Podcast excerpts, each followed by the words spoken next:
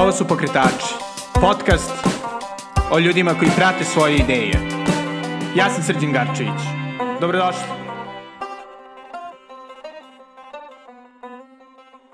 Ćao svima.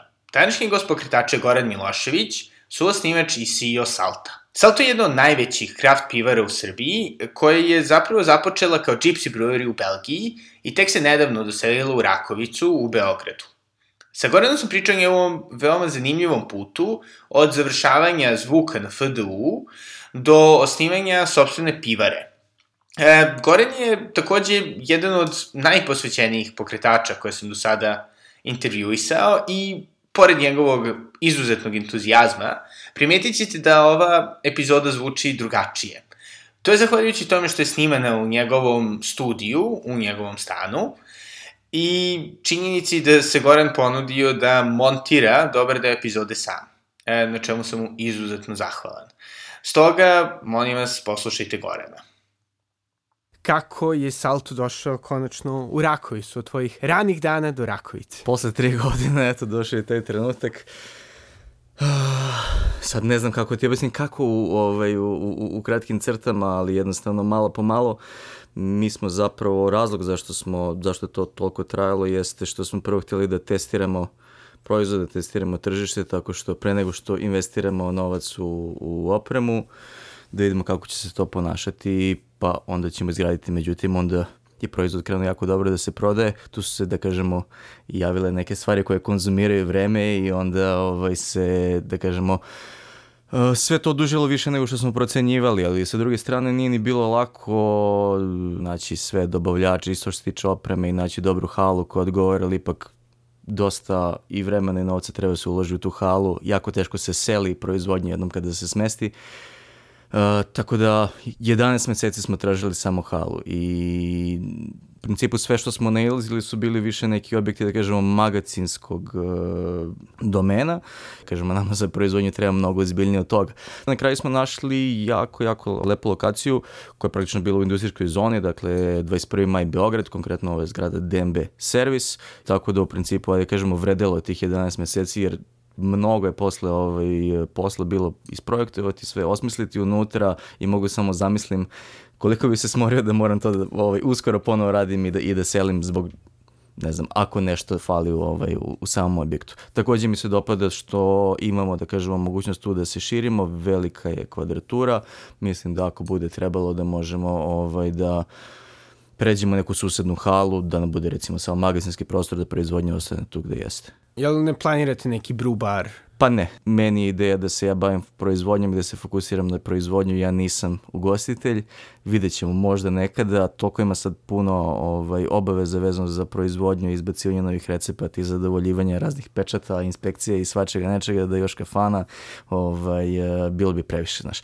Vidjet ćemo šta će se dešavati, hoću prvo da istiram tu proizvodnju da zaista bude vrhunska, da optimizujemo i troškove i recepte i celu distribuciju i sve. Možda otvorimo neki salto pub u gradu ili tako nešto, ali vidjet ćemo, kažem, uopšte ne razmišljam sad o tome jer uh, ima svašta da se radi i još ljudi da se zaposle i tako dalje tako dalje. Mm, da. I koliki je sada uopšte salto sada? Za sad nas je petorica i to je jako malo, mislim da treba da nas bude deset i svi ono ginemo, gorimo, jednostavno sve mi delo, znaš, uh, da će uskoro da se završi gužva, e još samo ovo, još samo ovo, pa ćemo onda da se oslobodimo i nikako, znaš, završiš jednu stvar, dođe druga, završiš jednu stvar, dođe druga i, i onda sam u tom raskoraku da li napraviti pauzu sa, sa svim tim obavezama koje gore i zaposliti još ljudi ili ono, sačekati da, da prođe izdržati i raditi koliko se radi i, i onda posle se zaposliti. Ne znam, mislim, ja mislim da mi je to jedno od glavnih grešaka, što nisam prepoznao pravi trenutak kada zaposliti još ljudi, jer stvarno, stvarno smo izgoreli. Mm, da, i pominjao si isto da postoje određene administrativne prepreke koje nisi očekivao.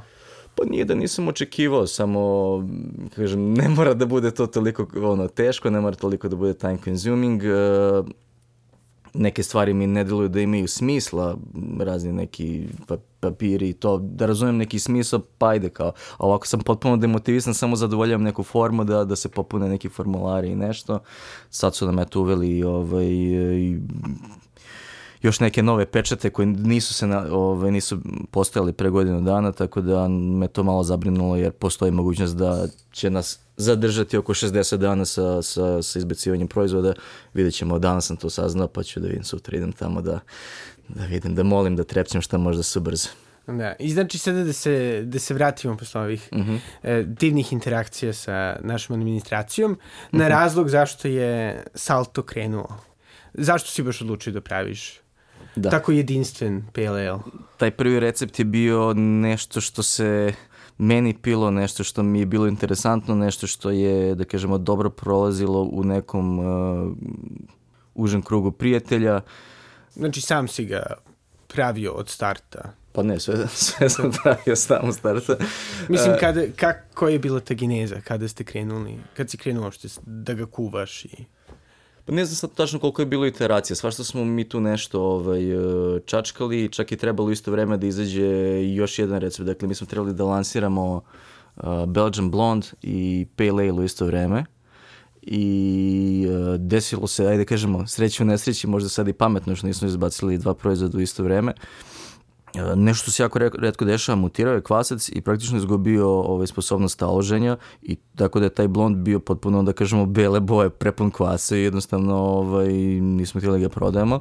Posle sam shvatio da je čak i pametnije da ne izlazimo odmah sa dva proizvoda, pogotovo to kad uh, proizvodimo negde u inostranstvu, uh, jer drugim tempom se troše dva različita proizvoda. To bi značilo da bi morao mnogo češće da idem tamo u Belgiju, već imam dovoljno posla ovde u Srbiji i isto vezano za samu kontrolu kvaliteta dva proizvoda duplo više problema, već mi je bilo, da kažemo, mnogo napeto to kuvanje na daljinu i stalno su stalno se desi nešto što se nisi dogovorio sa svojim dobavljačima, sa saradnicima i uvek moraju da se peglaju neki problemi, deša... jednostavno mnogo je kompleksan proizvod, mnogo ima koraka i dovoljno jedan da se pogreši i da se napravi, da kažemo, velika šteta u krajnjem rezultatu proizvoda. Tako da eto, to je bila ta sreća da taj blond se nije desio, ali evo sad se desila pivara, sad ćemo krenuti da izbacujemo ovaj, možda će biti blond, vidjet ćemo, još imamo neke druge recepte u planu. Nego da ti odgovorim na pitanje, ti se me pitao zašto... Uh, Mislim, kako si se ušto ubacio u kraft pivarstvo? Pošto si, jeli, sad smo ovde u fantastičnom studiju, ti zapravo da. studirao zvuk na da, FDU. Tako je. Da, e, pa gledaj, mislim, e, ja, ja tu vidim neke srodnosti, dakle, e, taj neki spoj ekstremnog inženjerstva i, i neke kreativnosti, samo na potpuno drugom nivou. Dakle, isto ja kad sam se bavio zvukom, uh, ja sam sam sebi pravio zvu, ovaj, studio, akustiku, merio mernim mikrofonima, akustiku, pravio zvučnike, pravio mikrofonska predpojačala, isto tako da kažem potpuno bezazleno sam krenuo kao home brewer, uh, više zbog toga što je meni rođeni brat tada sad odselio, ali živio u Belgiji 13 godina i onda kad sam išao kod njega, sam pio zanimljiva piva, u to vreme kad se vratiš nazad u Srbiju imao si samo lagere, nisu još krenule ovaj, ni uvozna, ni, ni, ni, ni kraft pivare. Uh, krenuo sam malo po malo da se interesujem šta se, ovaj, kako se to radi i onda sam vidio da tu potpuno da kažemo sličnih stvari, praviš tu neke svoje kazane, praviš neke tu svoje recept, znači i kreativne inženjerije, mislim ja kažem sad kazane ono, na, na, na, na, na, na većoj skali u pivari, naravno to je baš hiljadu detalja ovaj, da se osmisli napred. Uh, tako da, ajde da kažemo, taj neki spoj to upravo što sam rekao, kreativnosti, inženjerije i na kraju dobiješ proizvod koji je, da kažemo, lako dopadljiv svima. Dakle, svi će, eh, ne znam, kad se baviš zvukom, pa neće svako želiti možda da pogleda film, da čuje neku pesmu ili, ili da ono, igre neku igru koju si radio, ali ima utisak da svako voli besplatno pivo, znaš. I to je čak i bio jedan e, problem kad smo ovaj, trebali komercijalno da nastupimo, ajde kao svako će ti hvaliti kad, kada dobi besplatno pivo, svi će reći da je super, ali šta će reći kada treba da plate, znaš, i onda nam je to bilo, u, ajde vidimo, ovaj, kad smo izbacili proizvod, uh, kao kako će reagovati. Tako da eto, ukratko, to je to. Uh, kreativnost, inženjerija, samo skroz nekom, da kažemo, drugom domenu, uh, Mislim da mogu da suzim da kažem koliko god zvuk, zvuk bio opširan, uh, mislim da je ovo još mnogo, mnogo, mnogo opširnije, pogotovo sad kada ubaciš da kažemo u ceo element, da kažemo i, i, i neki menadžerski, neki biznis element, ne samo da, da, da kreiraš nešto. Jer na kraju krajeva, ajde kažem, pokrenuo sam pivaru, pokrenuo sam salto da bi uživao u proizvodnji piva, a trenutno se bavim najmanje sa tim, znaš. Ove, ovaj, neke stvari su lepe, neke nisu, ajde kažemo, ali doći će sve to na svoje. A čisto da se, da se ponovno vratimo na, na početak ovaj, koliko ti je vremena trebalo od, da kažem, početka bavljenja pivom do do salta, do kad si odlučio mm -hmm, da zapravo mm -hmm. plasiraš proizvod na tržište? Pazi, ne mogu tačno da kažem koliko sam bio home brewer, ali nešto da kad sam rešio da ću da promenim uh, profesiju, kad sam odlučio da ću prodam studiju, da prodam opremu, uh, prošle tri godine. -hmm. Da kažemo da sam profesionalac, pre toga još ne znam koliko sam bio home brewer, ajde da kažemo godinu i po dve, ali da jako ozbiljan. A ovih tri godine možemo da podnožimo sa dva sa tri, zato što radim po 16 sati dnevno i samo non stop sam u tome. Vidjet ćeš posle tamo kad budemo otišli ovaj, koliko metara knjiga ovaj, sam pročitao, zakupio, podvukao. Ja si u jednom trenutku razmišljao da kao to prestaneš da radiš kao? Pa nisam, nisam, nisam. Razmišljao sam samo da bi možda trebao da ono, imam odmor od možda nelju dana, odnosno odmor da bi odmor za čitanje, ja to tako znači. Meni se toliko čitaju još knjige, toliko svašta mi se nešto radi, da jednostavno svih ovih obaveza ne stigne. Ja bih volao da ono, ugasim telefon i na nedelju dana samo čitam, to bi mi bilo nešto če, što bi najviše volao. Za ove tri godine, ne znam, nisam otišao nijedan na, na odmor, odnosno bio sam pre mesec dana sad u Amsterdamu nedelju dana, ali sam radio 8 do 10 sati, tako da ne mogu da kažem da sam bio na odmor. Da, a mislim šta je bila inicijalna kapisla da, da daš otkaz? Pa video sam da da me to baš dosta interesuje. Zvuk me jako interesovao i bio sam dosta angažovan, kolege su me cenile. Jednostavno video sam da sam uspio da se zaljubim u nešto i da mi skreće pažnja zvuka koji sam dosta voleo i da je sad pravo vreme, da je jako bitan tajming i dakle, uh, ako ne, odnesem, ne donesem tu odluku sad, bit će mnogo teže da kad je donesem za godinu dana da uradim sve to što smo sad uradili i šta ćemo raditi. Tako da jednostavno trebalo je hrabrosti da posao u kojem si bio dobro plaćen, dobro angažovan, voleo si ga da odlučiš da promeniš jer video si potencijal u nekoj drugoj profesiji, video si potencijal u nekoj drugoj industriji i jednostavno je samo bila poenta da prepoznaš pravo vreme, što kasnije to će biti teže, tajming je jako bitan u svakom biznisu.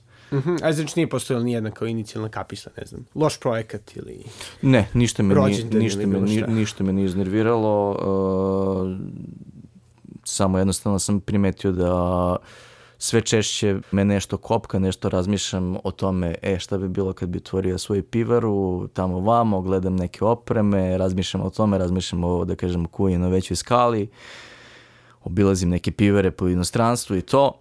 Tako da ništa loše se nije desilo, pa da sam se ja se iznervirao i, i ono, prevrno stoji i rekao, ma neću ja više, ovo jednostavno spontano se desilo. A jel si imao nekoga s kim si mogao da, da diskutuješ tome kako zapravo izgleda imati svoju pivaru? Pošto pretpostavljam da je da, da, da, kažemo, home brewing veoma drugačiji. Da, da, obilazio sam, kao što sam spomenuo, obilazio sam pivare i u Belgiji i, ovaj, i u regionu, uh, tako da sam ono, pričao, gledao dosta kako kažem, štreber sam po prirodi, tako da sam i već i napred, e, pre nego što sam se odlučio da postanem profesionalac, ja sam već, nisam čitao samo homebrew knjige, ja sam čitao, da kažem, profesionalne industrijske knjige, ono, da kažemo, nemačka pivska biblija, engleska, američka, to su, da kažemo, ozbiljno industrijsko štivo koje čitaju profesionalci, tu već su sad neki detalji koji su na mnogo veći nivou i gledao sam šta se tu dešava. Da, a, a isto ovaj, da kažem, biznis aspekt mm -hmm. svega toga, ili si to isto proučavao ili si ima neko... Naravno, da naravno, naravno mislim i, i to ovaj, e, čitam i učim i kroz knjige i kroz praksu, ne možeš jednostavno bez toga, ne, nema šanse. Mislim, to je u, u, upravo ono što kažem, jeste zanimljivo sva ta proizvodnja, ali bez, bez biznisa neće se desiti, da, neće se desiti novac, ne, nećete moći da, da kažemo, opstanete i trošit ćete samo pare, nećete ništa zaraditi kao firma. Tako da mora da se to desi. Ali, kažem, uh, postoji jednostavno samo taj drive, ta želja da meni dan danas, koliko god bilo sve mučno i svega, proizvod i ta proizvodnja nešto me najviše ovaj, motiviše i jednostavno kad imaš tako jak motiv, spreman si na sve. Dakle, sve ti je zanimljivo i se mora ti zanimljivo i se mora da se desi koji god problem da, da, da ne leti, a naleće svaki dan. Jednostavno samo imaš tako veliku vatru da, da, da uopšte te to ne dotiče. Dakle, nije ne smoriš se zato što ti je sad ne znam, nešto se desilo, nego gledaš na to kao nešto što treba da se reši. Možda se malo iznerviraš zato što ne možeš se baviš onim što voliš, ali rešavaš. I to je to. Dakle, imam utisak da ne može ništa da zaustavi čovjeka koji je dobro motivisan i koji je zaista tu zbog proizvoda, ne zbog novca. Postoji nešto što si otkrio u imanju pivare da je gore nego što si očekivao? Ne mogu da, kaž, ne mogu da krijem to da kažemo biznis ili delatnost. Mogu da krijem moje neiskustvo, dakle gde ja nemam iskustvo i šta je moja najveća rupa, šta je meni trenutno najveća frustracija i to je ono što sam ti rekao, nisam u pravo vreme zaposlio dovoljno ljudi. Uh, ja jednostavno, kad sam se bavio prethodnom strukom, ja sam ja radio i komunicirao sa drugim ljudima, ali nisam imao svoj tim. Znaš, i potpuno je druga stvar kad imaš svoj tim, kad imaš mnogo delatnosti koje moraš da vodiš i da paziš i mnogo detalja. Uh, to je nešto gde sam ja jako šupalj krenuo u cijelu ovu priču, ali to je samo moj problem i, i to sam sad prebrodio i, i, i radim na tome. Moj najveći minus, ne, ne mogu da kažem da mi je najsmor, ne mogu da kažem da je naj ovo, naj ono, jednostavno samo moja najveća greška. Pošto Salto je prilično prepoznatljiv vizualno, mm -hmm. ove, ovaj, sa onim divnim Mi to zovemo e, gliste. glistama, dobro. Da. Crvenim i plavim da. ovaj, linijama. Da. Uh, jel si od starta imao ideju da to kao treba tako da izgleda? To grafičko rješenje uradio moj jako, jako dobro drugi srednje škole. Ja sam završio grafičku školu i ovaj, družio sam se sad sa Jovanom Mikonjićem biskotekom i baš mi je drago što je to na kraju kliknulo da, da ovaj, on ovaj, uradi taj dizajn. Uh, inputi su bili sledeći, dakle, za mene je pivo nešto što se konzumira na kraju dana, kad si opušten, kad si sa prijateljima i onda mi je uvijek bilo čudno zašto ove tradicionalne pivare, da kažemo, dizajniraju svoje pivo tako neko uštogljeno s nekim pečatima, s nekim ono uh, jako ozbiljnim pristupom. Jednostavno, hteo sam da napravim neki proizvod koji je razigran, koji je upravo za, za, za tu situaciju koja se dešava, okupilo se društvo, zezamo se, opustili smo, šta će mi sad tamo neki pečati, neki štitovi na stolu, ajde da imamo nešto što priliči celoj toj situaciji. Uh, tako da u principu to je to, htio sam da napravim nešto što je razigrano, nešto što je drugačije i upravo mi je to kliknulo i sa ovim grafičkim rešenjem i sa samim imenom, dakle Salto kao neki skok radosti, kao neki preokret u smislu uh, kvaliteta piva, odnosno izbora piva, ne, da ne kažem sad kvaliteta, nego nije lager, nego smo kraft. Uh, tako da su mi se poklopile te neke stvari i eto. Da. A zašto si izabrao da, da prvo praviš pivo u Belgiji? Ono što sam već rekao, hteli smo namerno da idemo na to da budemo prvo Gypsy Brewery, da, da testiramo kako će to da ide. A zašto baš Belgija? Pa jednostavno zato što, ajde, imao sam i neke, poznacimo navoda, korene tamo, ovaj, e, poznao sam zemlju i sve to, a sa druge strane gledao sam razlika u transportnim troškovima između, ne znam, Hrvatske i Belgije na, cel, na ceo taj novac koliko košta jedna šarža je zanemarljiv i onda sam razmišljao u pravcu hajde već kad e, kad pravim na, na nekoj drugoj lokaciji hajde da ono pokušam da naučim od neke druge kulture koja ima veliku tradiciju u proizvodnji piva da vidim šta mogu još tu da naučim, da ukradem, da, da jednostavno naučim nešto novo kad već plaćam nekog eksternog da, da poznajem njegovu opremu i njegove ljude da radimo. Mislim, kako je uopšte izgledalo saradnja sa, sa Belgijom? Pošto deluje pa, kao dosta da, teže, ono... Da, da. Uh, pa promenili smo tri pivare zato što uh, nismo bili zadovoljni. Jednostavno, ne znam, možda sam ja previše detaljista i sve, ali jednostavno ne možeš da iskontrolišeš sve da se desi kao što si ti zamislio. Nisu toliko ni sa biznis strane bili korektni da urede ono što smo se dogovorili. Bilo je, da mogu kažem, namernih podvaljivanja ili nešto što meni ne bi prošlo, nešto što ja ne bih upakovao i poslao ovaj, korisniku, oni su meni pakovali, pa sam posle morao se blamiram da objašnjam svojim krajnjim kupcima šta, kako, uh, svačega nečega je bilo. Uh, pravo istina ti budem, jedva sam čekao da pobegnem tamo. ok, sve Belgija, sve cool, ima, radio sam na zanimljivoj opremi, pričao sam sa zanimljivim ljudima, svake neke pivare sam obilazio tamo dok sam išao, ovaj, ali sad kada je sve u, u našim prstima, kada imamo potpunu kontrolu i na kraju krajeva jako teško ako ti neko napravi problem sa proizvodom, a neko ti nisi pogrešio, ti nisi ono skrivio i onda je jako čudan osjećaj. Uh, ovako makar kad napraviš grešku možeš da izanaliziraš gdje se desila greška, kako da sljedeći put sprečiš Uh, i nekako je lakše kad znaš da si ti pogrešio nego neko tamo koga si ti platio sve da uredi kako treba, nije uradio kako treba. Prilužim pogotovo sa, sa akcentom to koga si ti platio. da, da. Ali eto zanimljivo mi je na kraju ipak mislim da smo uspeli da isteramo dosta dobru konzistentnost proizvoda jer vidim da često mi ljudi kažu da u kao salto uvek isti kao svaka čast uh, kao držite, držite uvek da. isti kvalitet. Što je najsmešnije zapravo to je jedan razlog koga sam ja, ja dosta volim salto baš tako konzistentno da, da, da. Ali ja svako nisam detaljista. A čisto mi interesuje kako je ono, da kažem, na, na mesečnom nivou izgledalo? Znači idem tamo kad je kuvanje i kad je pakovanje Aha. i onda da, pra, da kažem, praviš projekciju prodaje. Dakle, otprilike, pošto treba ti ugrubo za naš proizvod ako ga proizvodiš u Belgiji sa svim carinima, carinama, transportima i tako dalje, oko meseca i po dana od prve proizvodnje od prvog kuvanja do trenutka kada ja mogu to da prodajem u, u Srbiji. Uh, tako da praviš projekcije otprilike uh, prodaje šta će se desiti, kad ćeš ostati bez proizvoda i onda kad je krajnji dan da najkasnije kad moraš da uđeš u proizvodnju uh, i ništa da planiraš proizvodnju, dogovor, dogovaramo se sa, sa Belgijancima kad ćemo, šta ćemo, odem tamo kad je kuvanje, uh, ništa, skuva se ta količina koja treba da se proizvede, odem, odem obiđem još neke pivere, vratim se nazad u Beograd i onda kad se završi fermentacija i odležavanje, dogovorim se koji dan je pakovanje, dođem opet tamo, jer i na pakovanje, da kažem, džaba što si uradio sve u, u, u proizvodnji kako treba, na pakovanju se najlakše uništi proizvod. Malo uđe kiselnika, malo nešto oni ovaj, uh, se divlje ponašaju prema pivu i dosta arome može da nestane, dosta ovaj, taj kiselnik može da, da isto promeni sam karakter piva, tako da ništa, idem tamo kad je pakovanje i to je to. Onda sam se trudio da, da radim leđa na leđa, da, da se tačno potrefi kad je pakovanje, da skuvam i sledeću turu, tako da idem i na pakovanje i na ovaj, kuvanje u isto vreme. Pa znači, ono, bukvalno si morao da budeš tamo, na tim ključnim momentima. Pa morao sam, zato što sam prive...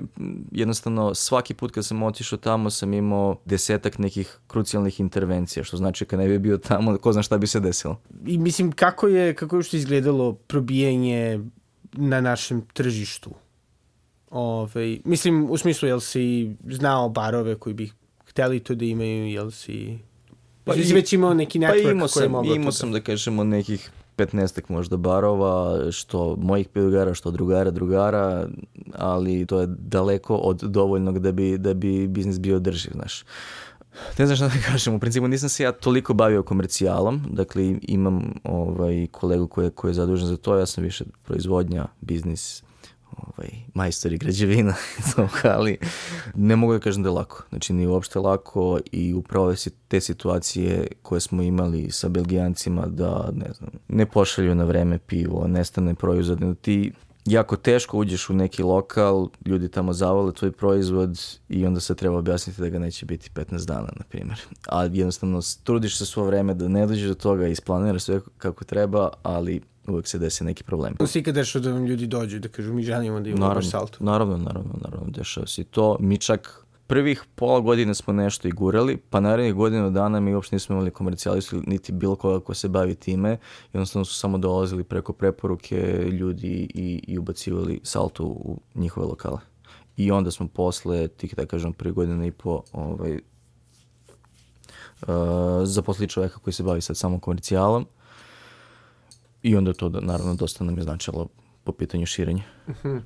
A šta misliš trenutno o, da kažem, srpskoj pivars, kraft pivarskoj sceni? Pošto sada baš ima dosta pivara, Jeste. sećam se šta ja, pre pet da. godine je bio samo kabinet.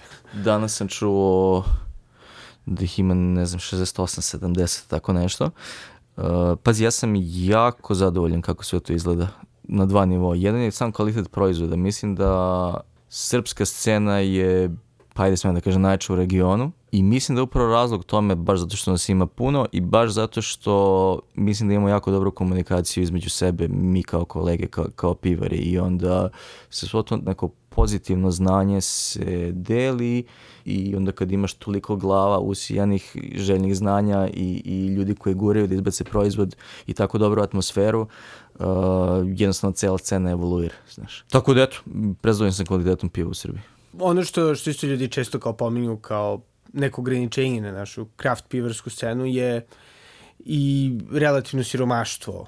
Jel osjećaš to kao neku kao neki limit? Da je biznis stvar matematike e, i stvar računa, to, to bi bilo lako, znaš, tako da nešto je stvar proceni. Kako ja sad mogu da znam e, tržište tamo ovamo, vidim da jednostavno proizvod funkcioniše, sad na koliko grupu ljudi i kojim će se ovaj, tempom to širiti, to je na nama kao piverima da širimo tu kulturu, jer jednostavno ima, imaš i tog momenta, da kažem, navikli smo da nešto košta određenu cenu i onda treba određeno vreme da se naviknemo da to nešto može da bude drugačije i da košta drugačije, znaš, i samo je jednostavno mislim pitanje vremena, ali doći će to na svoje, jer vidim samo po reakcijama da ljudi vole te proizvode, traže te proizvode i spremni su da izvoje novac za te proizvode, tako da je samo poenta širenja te kulture malo po malo, jer mi sad imamo neku neki skup, neku grupu ljudi koje, gde je to već normalno, ali postoji baš dosta, dosta ljudi koji nikad nije čulo za termin kraft, na primjer. Uh, I to je to na čemu mi svi kao piveri treba da radimo ovaj, uh, i to će se preli kasnije proširiti sad. Naravno, neko nije spreman to da plati, nego ga to ne interesuje, sve u redu, ne može proizvod da bude za svakoga, ali gledajući da kažemo trend u okolini i u svetu da jednostavno uh, ne postoji zemlja gde se kraft nije desio, desit će se u Srbiji, znaš, to je to. Možemo da vas nađemo, ili tako, i van Beograda, da možemo da vas nađemo van Srbije? Uh, van Srbije još uvek ne, zato što je bilo uh, komplikovano sve to sa Belgijom, praviš tamo, uziš, šalješ nazad, ali definitivno krećemo sad ovaj inostranstvo, već imamo neke dogovore, pregovore, bit će i toga. Uh, naravno, ono, u Srbiji, Novi Sad nam je dosta jak, Niš, Vršac, Subotica, Čačak, ima, širi se, širi se, da. Mislim, krenulo se Beograd, Novi Sad, pa Niš, tako da tačno vidiš uh, kako sve, da kažem, manji gradovi polako preuzimaju kraft i kreće tamo jako lepo da, se, da sve to prolazi, da kažem, uspešne su priče, tako da mislim da će sve to biti okej. Okay. Da. I jel postoji jedna stvar koju bi voleo da si znao kada si pokretao salto Pa ne znam, kažem, ono što sam već pomenuo, ja nisam radio u firmi, nisam radio u timu, bio sam freelancer, uh, dosta bi mi značilo da, da sam video kako funkcioniše neki sistem, zato što ja upravo sad pravim sistem kod nas Mislim, ne samo ja, svi mi pravimo neki sistem kako šta funkcioniše, šta opisujemo, šta se dešava, koliko me javlja, ko brine o čemu. Sve su to, da kažemo, neka mikro pravila koje moraju da se desi, inače će sve da se raspada. Mislim, ne sve da se raspada, ne može da funkcioniše, ne može da budeš, ne imaš ozbiljan biznis. Isto mislim da, da ukoliko postoji mogućnost da je dobra stvar da uh, u firmi postoje dva do tri aktivna osnivača. Dakle, kod nas postoje dva osnivača, s tim što da kažemo, ajde ja sam uh, aktivan, Ivan ovaj, je s njim se vidimo prilike jednom nedeljno i naravno pričamo o poslu, ali najveći deo, da kažemo, radnih sati uh, trošim ja. Jednostavno, toliko je puno posla, toliko ima o svačemu da se razmišlja da je jako teško da izgore to jedna osoba. Zbog toga je dobro da, da postoji dvojica, trojica, da, da se sve to ubrza, da se sve to rastereti, da jednostavno mislim da mogu da se dobiju bolji rezultati, naravno kad se čovjek bavi sa, kad se fokusira na manje stvari nego da se bavi svim i svačim i, i da gori i da nema odmor, znaš. A šta misliš da te održava, pošto si pomenuo da radiš ono po 16-18 da. sati dnevno, bez odmora, šta? Ne znam, ne, ne, ne umem da objasnim, jednostavno ne mogu da, da pustim dok ga ne završim ne mogu da pustim. Mislim, nikad ga neću završiti, znaš, da. nikad toga Ali to šta je to, šta je, kao ukus piva ili?